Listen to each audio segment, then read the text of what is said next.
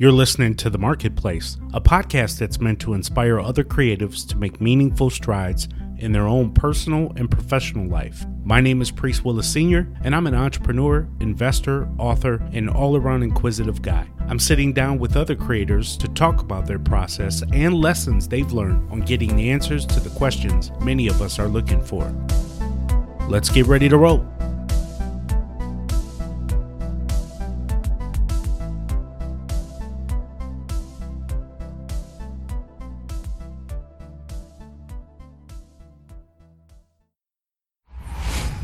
We like to thank today's sponsor, TubeBuddy. TubeBuddy is the premier YouTube channel management and video optimization toolkit. YouTube creators will find their new best friend in TubeBuddy.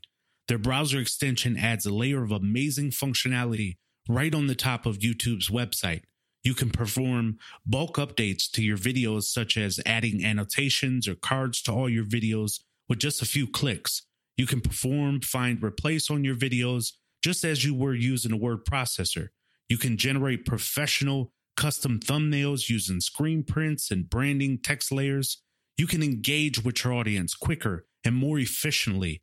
You can export your list of subscribers and their social profiles. You can get detailed analysis of competitor channels. You can promote your new upload across other videos. The list just goes on and on. Today's sponsor is TubeBuddy go into the podcast notes page and click on TubeBuddy and get it today.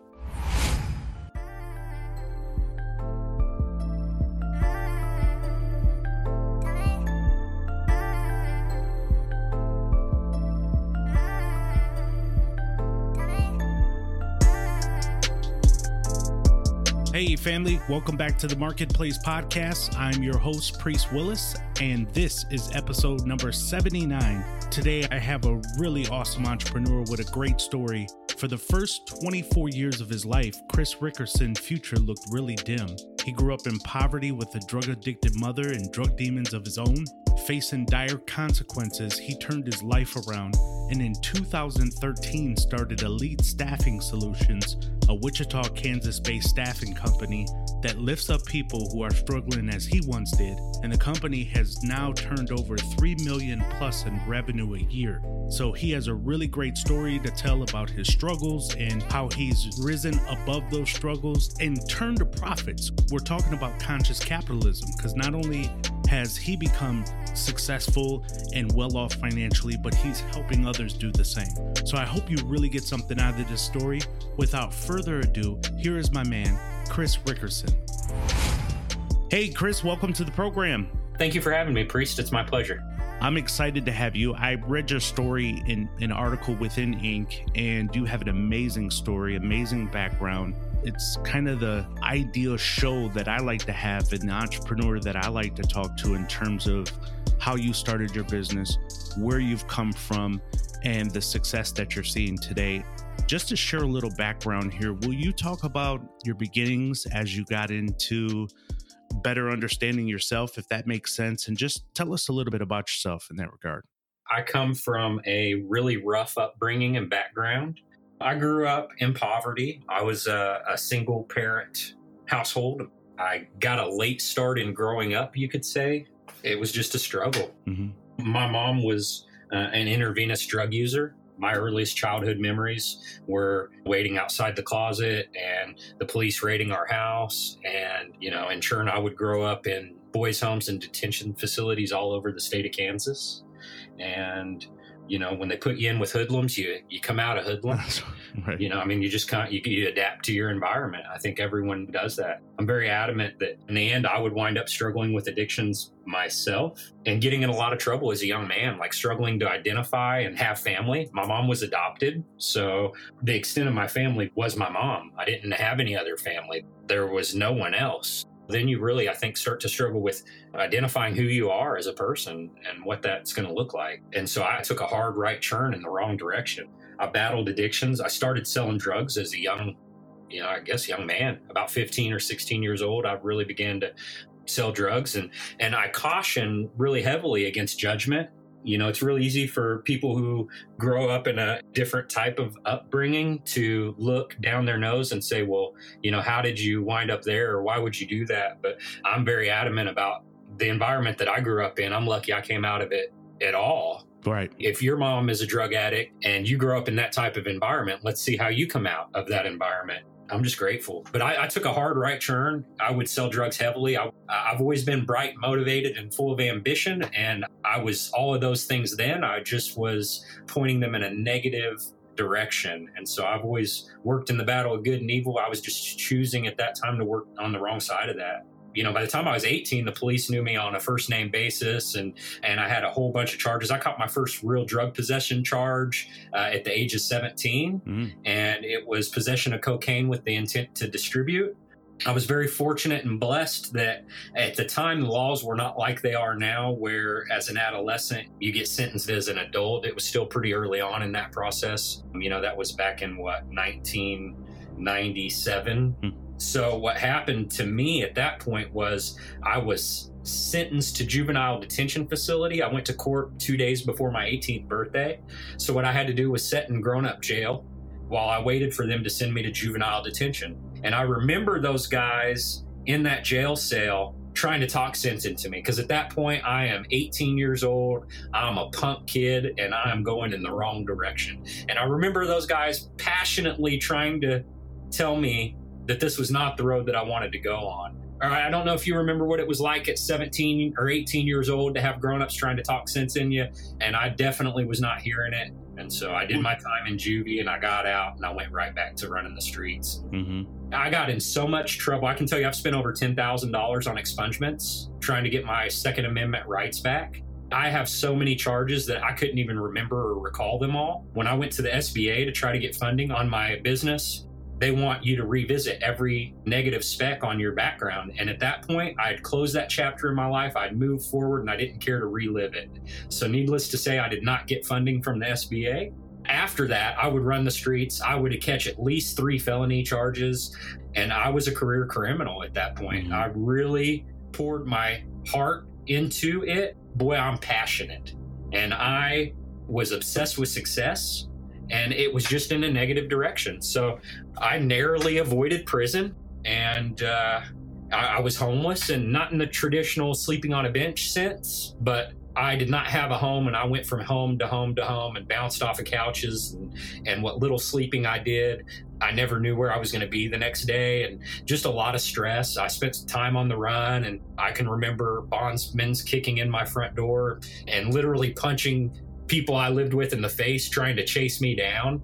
I had a rough, rough, rough run. Chris has been open like a book during the whole interview. The further I probed, the more he shared about the trouble he was faced with before starting his business.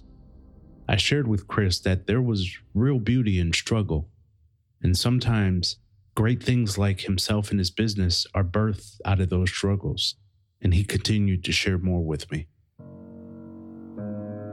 In 2001, I began to try to turn my life around, and it was as close to clean as I had ever been before. I had moved to Oklahoma, Grove, Oklahoma, to be with my foster dad. It was as close to clean as I'd ever been. I was still smoking pot. I was smoking a lot of pot, and I was actually even growing pot at that time. I had gotten a DUI with a guy in my truck who was involved in some things that I wasn't aware of at that point in time. So you were still in close company with people from your past as you're trying to clean yourself up? These were new people. So I moved to Grove, Oklahoma. And at this point, I think I'm 21 years old. The short version of that is that a guy implicated me in some burglaries that had happened in Grove, Oklahoma. So, way back before all of this happened, my mom's house was raided twice by the time I was 13.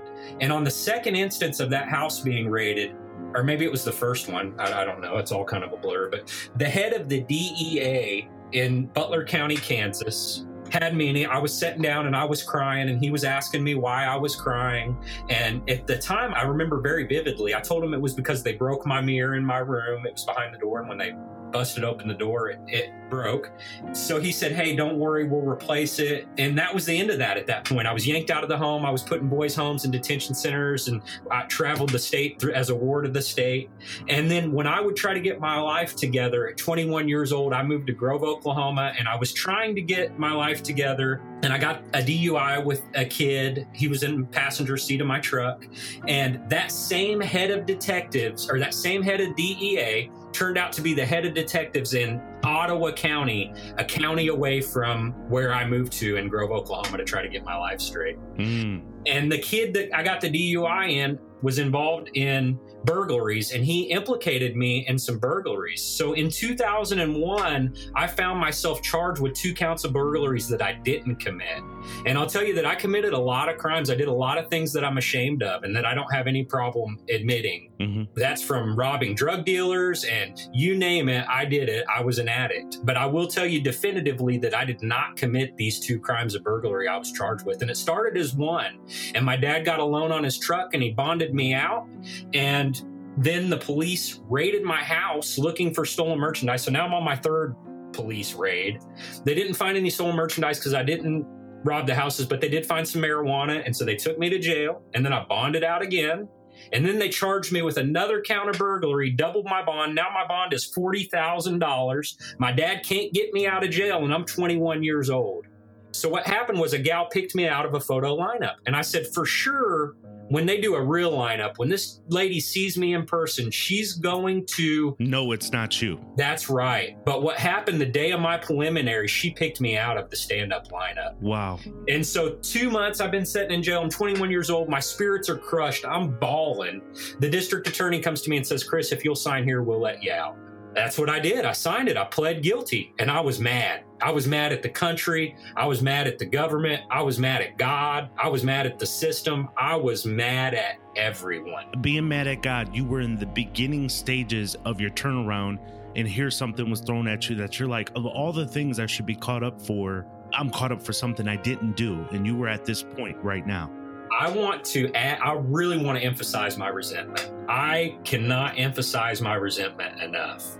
But here's the thing I wasn't done.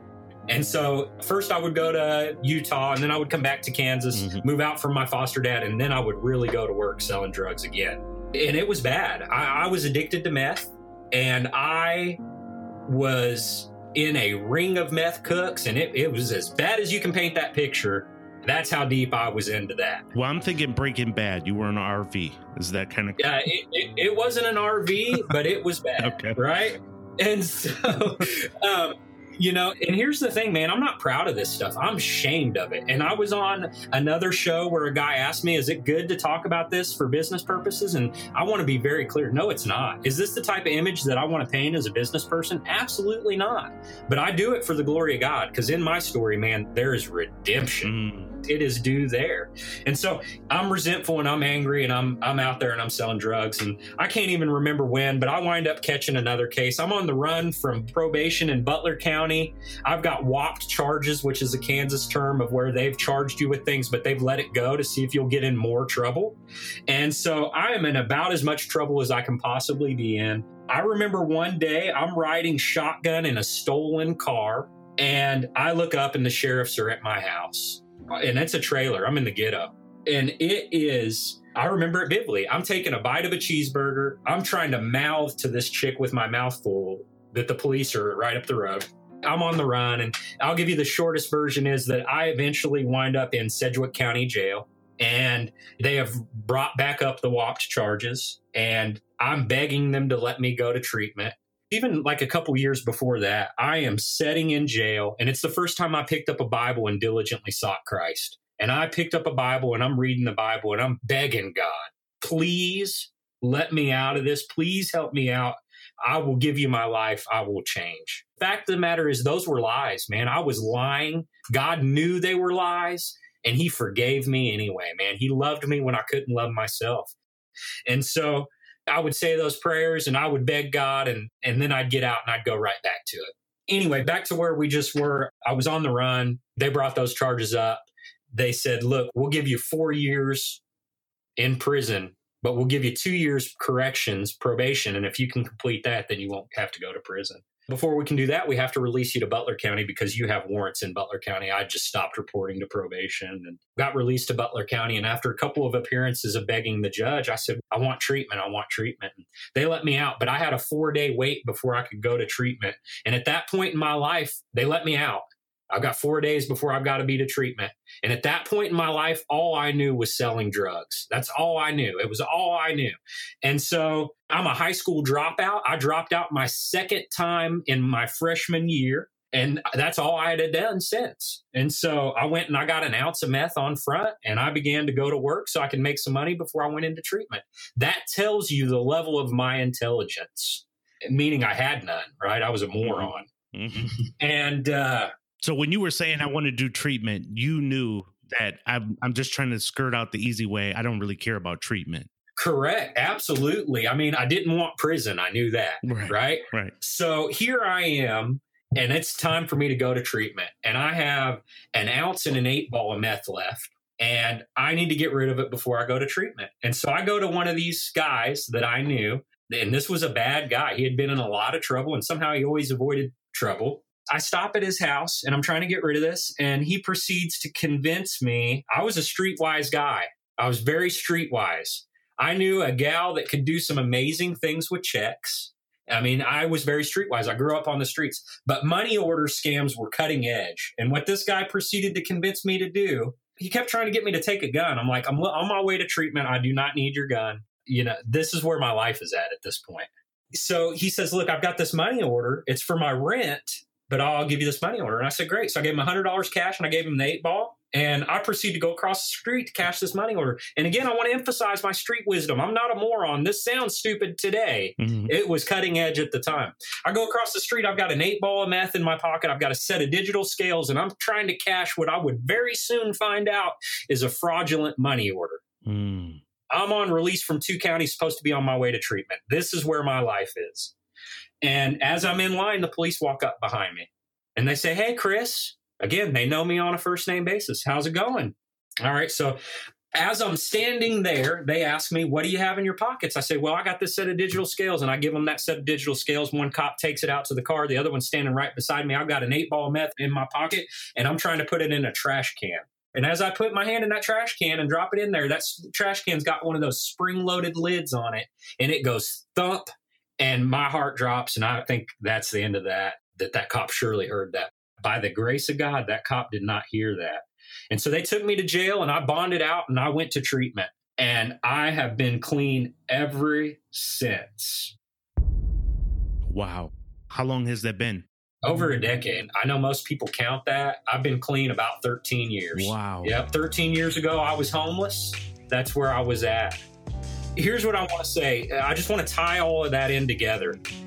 That resentment and anger and all of that stuff that I felt when wrongfully charged and pled out, so ultimately convicted, all of that resentment was just all part of God's plan. I would not be clean today if it were not for those convictions. My criminal history was so bad, I was in the A box. For those that are not familiar with that, it's as bad as it gets. And it was because of those charges that I finally got my life straight, that I finally got clean. So that resentment and anger and hate about those charges that I did not commit, really ultimately, that was all part of God's plan because it's the only reason I didn't get caught in a lab or get shot. I mean, there are several points in my life where I, I should have died. I've been in about six high speed chases. One of them, I was in the bed of a pickup truck during. Holy uh, cow. Uh, probably the only reason I didn't come out of that bed of that truck is because that cop stopped chasing us, probably because he feared for my life. Yeah. Again, man, I just, I praise God, man. Woo, that, you know, today, man, my life is lovely. Chris opens up at this moment to share what happens after he starts to see himself further removed from the life he once knew. So, your story now leads into that you have children along the way, three boys, if I remember correctly, three boys.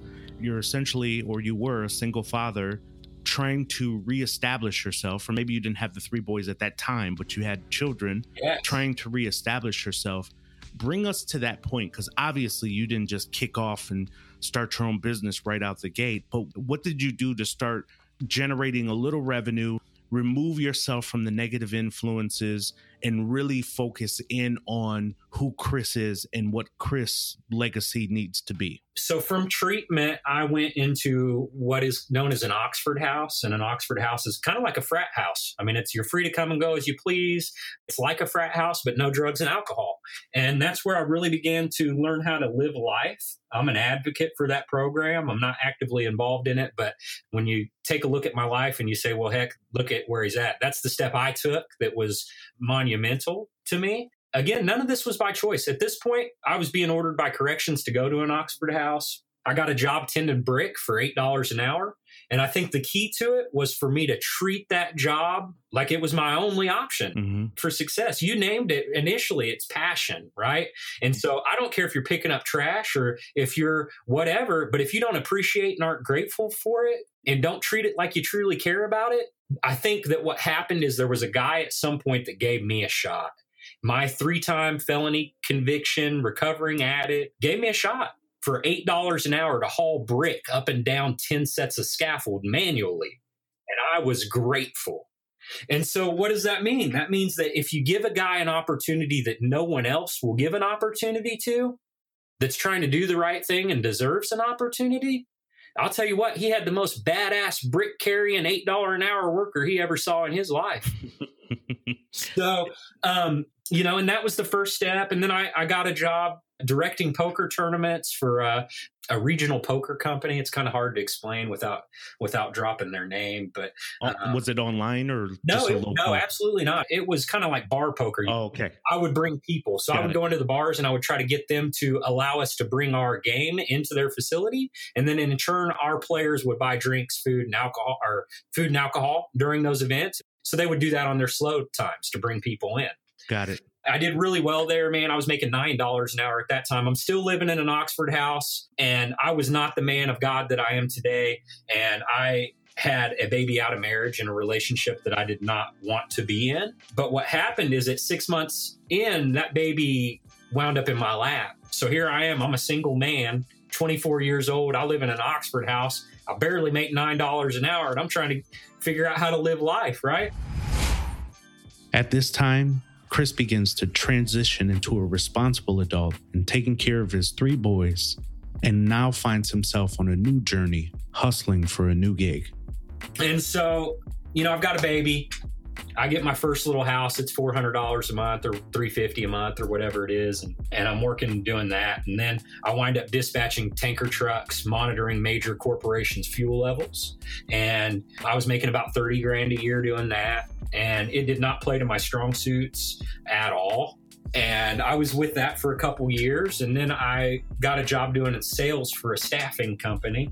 And at this point, I'm you know, I don't know, half a decade, maybe more clean and really just making my niche in the world trying to provide. And i wind up having two more kids. Now i'm raising three. Um, that relationship also again i just wasn't where i needed to be. So that relationship also failed. And now i'm raising three kids. I go take a job for a sales rep for a staffing company and i knock on doors. And there was no training program at all but I went and beat on every door in town and I said, Look, if you'll give me an opportunity, no one is going to work harder for you than I am. I promise you that. And ultimately, that's what happened. I wound up getting a lot of opportunities and then I delivered on that. If one of my employees didn't show up to go work a shovel, I went out and worked that shovel. I did whatever I had to do to make sure that my customers were taken care of because I wasn't going backwards, I was going forwards. You know, at this point, money was my motivator. I'd never had financial success like I wanted it. And so that was my drive. Money was my drive. And I killed myself. Mm. And my last year there, so Kansas cost of living is low, man. Median mm-hmm. combined household income is 70 grand a year. That's husband and wife. So it doesn't take much to have a lot in Kansas. My last year there as a sales rep, I was pacing to make 70. So I was making the income of two by myself. That's not bad from what I come from. And, and I killed it. I killed it for that company. They were detached from their organization and it was not a good work environment. So ultimately, I got out of there and I started my own company and, you know, doing that literally by myself in here. And I'm raising three kids by myself at that point. Mm-hmm. And I gambled it all. I put my house on the line. I refinanced a 2003 Ford Windstar so I could just afford daycare for them. I maxed out my credit cards and I put it all on the line, man. And you couldn't have convinced me that this thing wasn't going to be successful. There was no convincing me. Talk about betting on yourself. This brings us into Elite Staffing Solutions uh, as we talk about your business here and what brought you into the firm. But when I first started out, I didn't know what I wanted to do after I graduated high school. And I went to a staffing company in Milwaukee, Wisconsin, where I was born and raised before relocating down to North Carolina. And if no one has ever worked for a staffing company before, and I'm young, I'm only 18 or somewhere thereabouts, and you get an interesting group of people because these are, in some respect, the downtrodden, the pushed away, the kind of people that have records in some respect that need a second chance. Some people don't, for, at least from my experience, they don't really have a desire to keep a full time job. They just need a check, an immediate check for their own addictions or whatever. Uh, you know, I would see people come to the, the job drunk. So it's an interesting collective group of people. And then you, of course, you would have a small group of people that wanted to really drive, but they needed a second opportunity. And so it only makes sense to me for you. Here you are, somebody that had the history that you have, needed a chance. Somebody bet on you, paid you $8 an hour to start hauling brick. You were extremely grateful for it, then moved on to a couple jobs. Now to turn around and start your own company and see the other Chris's of the world and give them a chance you having the history that you have has that given you a more humanistic view of people in terms of knowing who needs the second chance and wanting to help people and putting people above profits? It makes me the best at what I do in my market. Mm. Because of my past, you're not going to come in my office high on anything and go to work for me. Mm-hmm. And that puts me a step above my competition right there. It really, I've just got a good read with people. I've been through a lot and I'm passionate at this point. So again, what I want to talk about is how it was all about the money. Like that's what it was about for me. But at some point, and you can kind of cut and paste this if you need to, but to highlight the success that I've experienced with my company, my first year I did a million and a half in revenue. My second year I grew 67% and I was the fastest growing company in my city. I would go on to become the Chamber of Commerce finalist, not the winner, a finalist for the Chamber of Commerce Small Business of the Year. Then I would the next year cross over 3 million in revenue and make Inc.'s 500 fastest growing companies in the United States of America. I was the fastest growing company in the state of Kansas on that list. So I hit amazing success. Mm-hmm. But it was not too long into that thing that God told me, Chris, it's not about the money. It's not about the money. I remember I went and pulled some cash out of my my aunt is also my banker. She's amazing. Uh, I pulled a stack of cash out of the bank and I brought it into my office and I just set it on my desk. And I was really looking for motivation because, you know, I don't care what kind of startup company you're doing, but if you're doing a startup company and it's exploding, there are times when it is just hell. When you say, man, why am I doing this? Right? hell because you lose your soul in the process of running the business? I'll never lose my soul as a result of my business, but no, hell because I'm trying to figure it all out on my own. You know, I'm on this island by myself, so to speak. I have built this business. It has exploded. I employed 1,200 people last year. Wow. And so when you talk about dealing with that particular demographic of a lot of temporary staffing, and you're dealing with those nine and ten dollar an hour workers, and you're employing 150 of them, and you're a high school dropout, and you've had to figure out how to fund, build, and just this amazing beast. There are points where you are just like, I'm over this right now. And that's what I mean. And so it was one of those points where I pulled out a stack of cash and I put it on my desk and I was like, looking for it to motivate me when I had first got in financially successful. And I have a vision of me standing on a mountain and God is telling me it's not about the money. And I'm lifting my arms up and I'm yelling at God could I not have just enjoyed this for a year? Because it was like literally the moment. Boom the moment. So for me, the money is what God used to get me through all of that, motivate me to where I'm at today. But today it's not about the money as much. I want God to be first, and I use my business as a platform to be able to give hope, motivate, and inspire the people that come through my doors. Because the fact of the matter is, we live in a society that just wants to tear people down, look down our nose at them, destroy them, lock them in prison, whatever it is. But we are not taking the time to look back, reach down, and try to lift people up. And it's not that I do a lot, but I'll tell you what, a guy that comes through my doors who might be at that turning point in his life, that fork where he's trying to decide does he go left or right? I'm going to tell him my testimony. I'm going to tell him about my struggles. I'm going to tell him where I'm at today. And I'm going to give him hope that it is overcomable. Mm. And that could, it may not do anything. That guy might still take a right turn, but it could be the difference. And so I went down to Oklahoma and I went down into the detention centers and I'm talking to the youth. And as much time as God will allow me to be able to handle it, I'm going to give back in that manner and I'm trying to build people up and help them. And I look back at where I come from and, and what I went through. I see a lot of people who come through my doors and they can't seem to get past it. And the differentiator that I see, the main thing is that I can look back and even though my mom was an addict and my environment sucked and I had everything in the world that I can think of against me, I didn't blame anybody else. I owned it. I said, This is my mess. I made it. And this is where I'm going, and nothing's going to stop me. I'm getting out of it. I'm changing things for my genealogy. Hmm and nothing's going to stop me. And a lot of it is owning it. And so if we can't own our messes, regardless of what it is, could be your marriage, could be, you know, whatever your challenges are, whatever it is. If you want to blame everyone else about those things, whatever it is, we all have those things. If you just blame everyone else, guess what? You can't fix them. You can't fix it. But as soon as the problem is you, oh man, you got complete control over that.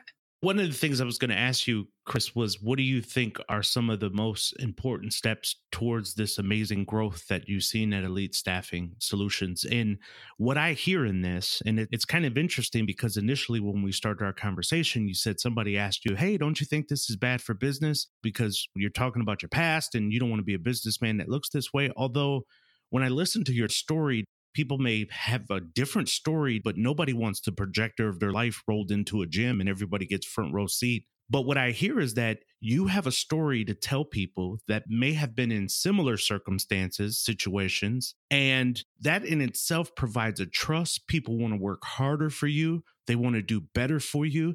They probably work so hard that it has brought to light some of the successes of elite staffing solutions because of their faithfulness to you, your faithfulness to God, so forth and so on. Would you contribute your testimony and your ability to communicate that to the people as one of the successes of your company? I think so. In the beginning, these were things that I was not vocal about. Hmm. It was only until I really became successful and realized the amount of influence that I had on the people around me that I began to become more vocal about it. And the more that God got a hold of me, man, I'm going to tell you that seven years ago, I went to church every Sunday and figuratively speaking, and maybe sometimes not figuratively speaking, you'd find me at church on Sunday and at the strip club on Saturday or whatever it was. The fact of the matter is, I was going to church and I thought I was a Christian, but I wasn't.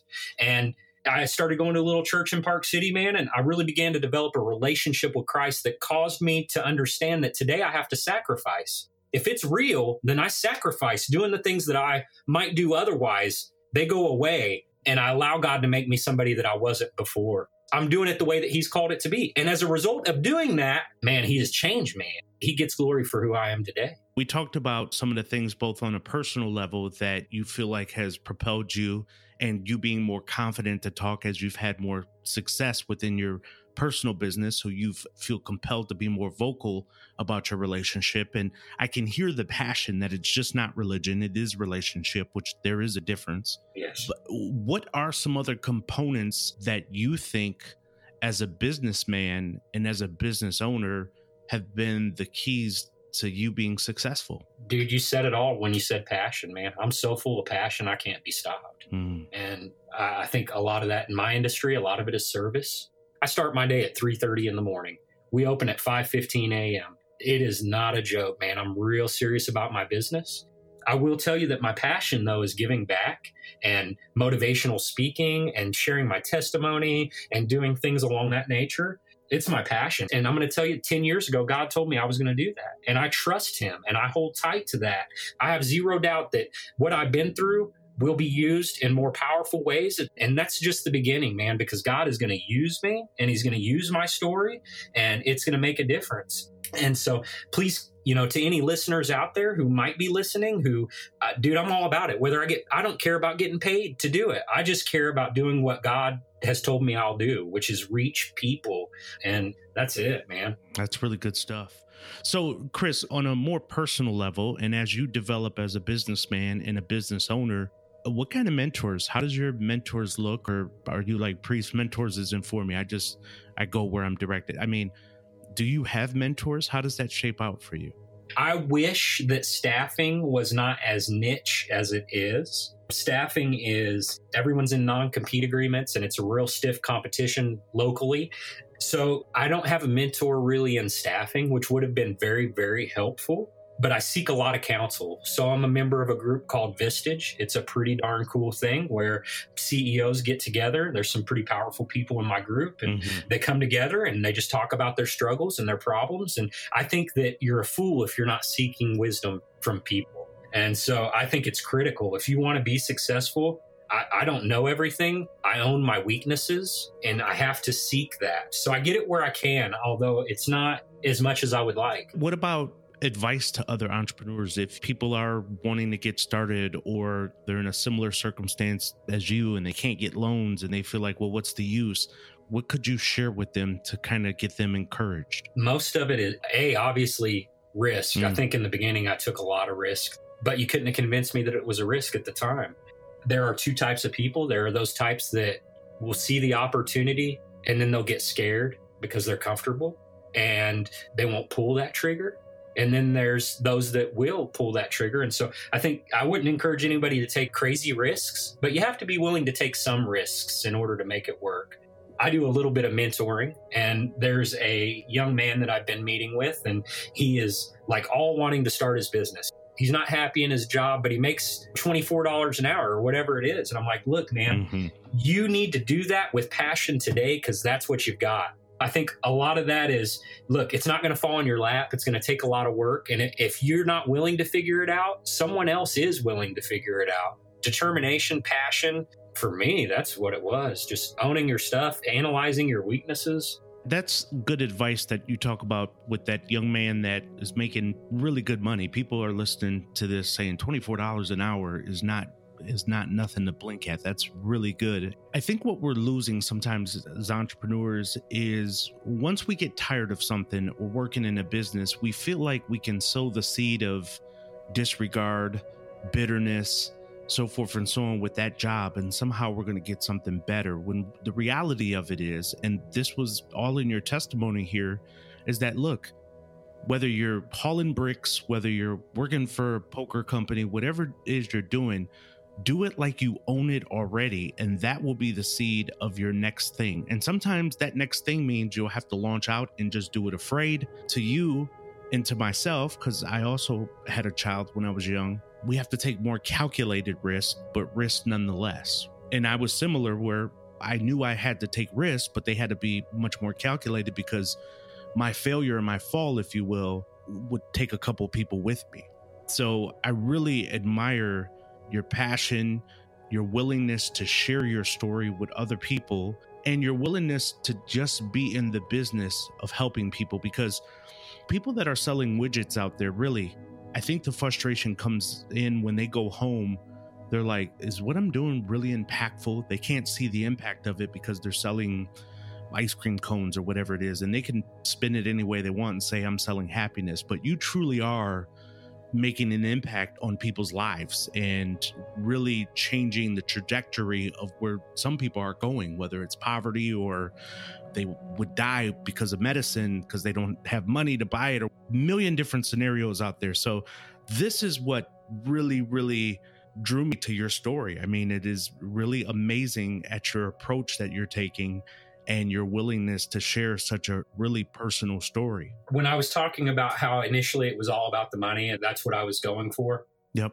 about a year and a half ago, or maybe just about a year ago, um, I started really struggling with trying to figure out what my mission statement was. And that's when mm-hmm. we came up with People Before Profit. And initially, that was for my internal staff. So I used to work for another staffing company and they did a lot of banquets and the banquets were minimum wage and they would need 30 people and you would put 50 on it and 20 would show up and it would be a complete nightmare. And i said you know what? I'm not going to do that to my internal staff because i've lived that nightmare.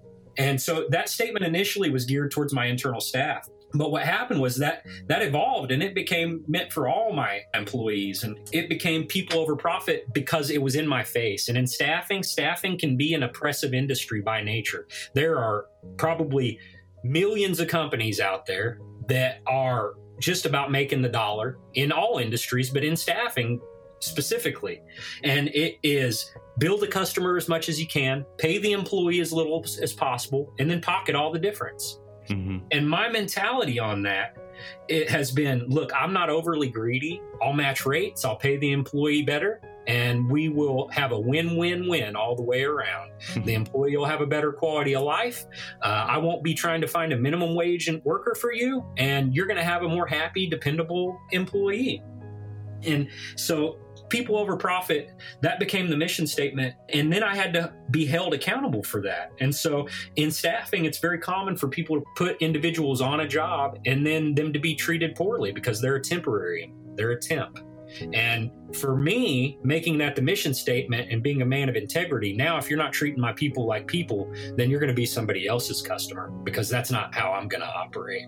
And mm. so it's been just really, really good. Does that mean I'm not going to make money as a business? No, I run a profitable business, but I'll tell you what, we try to treat everybody with respect. And when an employee who might be a convicted felon goes through the doors at a temp company or a staffing company, they may not get treated that way. It's very common for it not to be that way. And that does go a long way. Just treating people with respect and trying to do the right thing. Imagine that. It goes a long way. That's right. I mean, that's again why I like conscious capitalism. It's not throwing out the idea that capitalism works.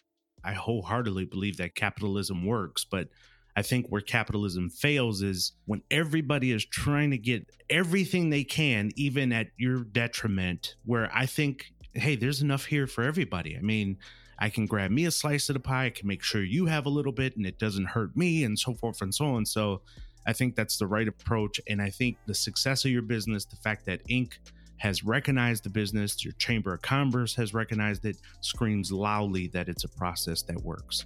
So, Chris, tell us what do you have up next? Is your focus right now just on the staffing agency? Is there anything you want to share if people want to get in touch with you and, and talk with you more? How, how, can they do that? Well, a couple of things. I'm trying to find an operations manager here, and I, I have to plug that. Do you have the job posting out there? I do. It's on. Uh, it's on Indeed. Okay, we'll make sure to uh, post it on our page here.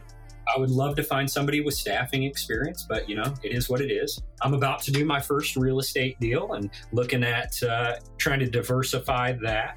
I am the best at what I do, and it makes it really hard to try to figure out if I want to do more staffing agencies or, eh, you know, more branches of this company, or if I just want to do some different businesses altogether. But I'm an entrepreneur, and that I'm so passionate and I look back and I say, this is what I did with no resources. Now I have resources. So what can I do? And um, I'm not built to be a manager. I'm a business builder and I can't wait to be able to answer that question um, more directly. Mm-hmm. The sky's the limit and I'm wide open. I really, really want to give back to people and share my story. And that's what my passion is to give people hope and to build people up, man. That's really what I want to do. So I appreciate you uh, allowing me to do that today. Yeah, I really appreciate it. I mean, you went from a dope dealer to now a hope dealer. so that's that, that's that's that's it. I'm honored to have you on. I thank you so much, Chris, for being a part of the show today. You have a great story. I hope everyone feels the same about it. Thank you so much for being on today. Thank you very much. That wraps up this episode with Chris Rickerson. I really appreciated his time. Hopefully, you're inspired by his story. Uh, you could hear in his voice that he's so happy about the turnaround in his life, and I'm excited for him. And you guys can go out, read more about Chris, uh, look for Elite Staffing Solutions. There's Inc. magazine articles about him and He's been a top winner. There's so much material out there on him.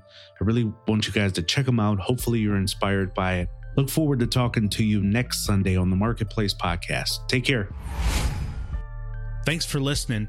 The next episode of the Marketplace Podcast drops on Sunday, drops every Sunday. If you like what we're doing, leave us a rating, a review, and subscribe to us on Apple Podcasts. It's a great way to help others find out about the show. I got love for you, and I know you have it for me. Help me raise the bar even higher.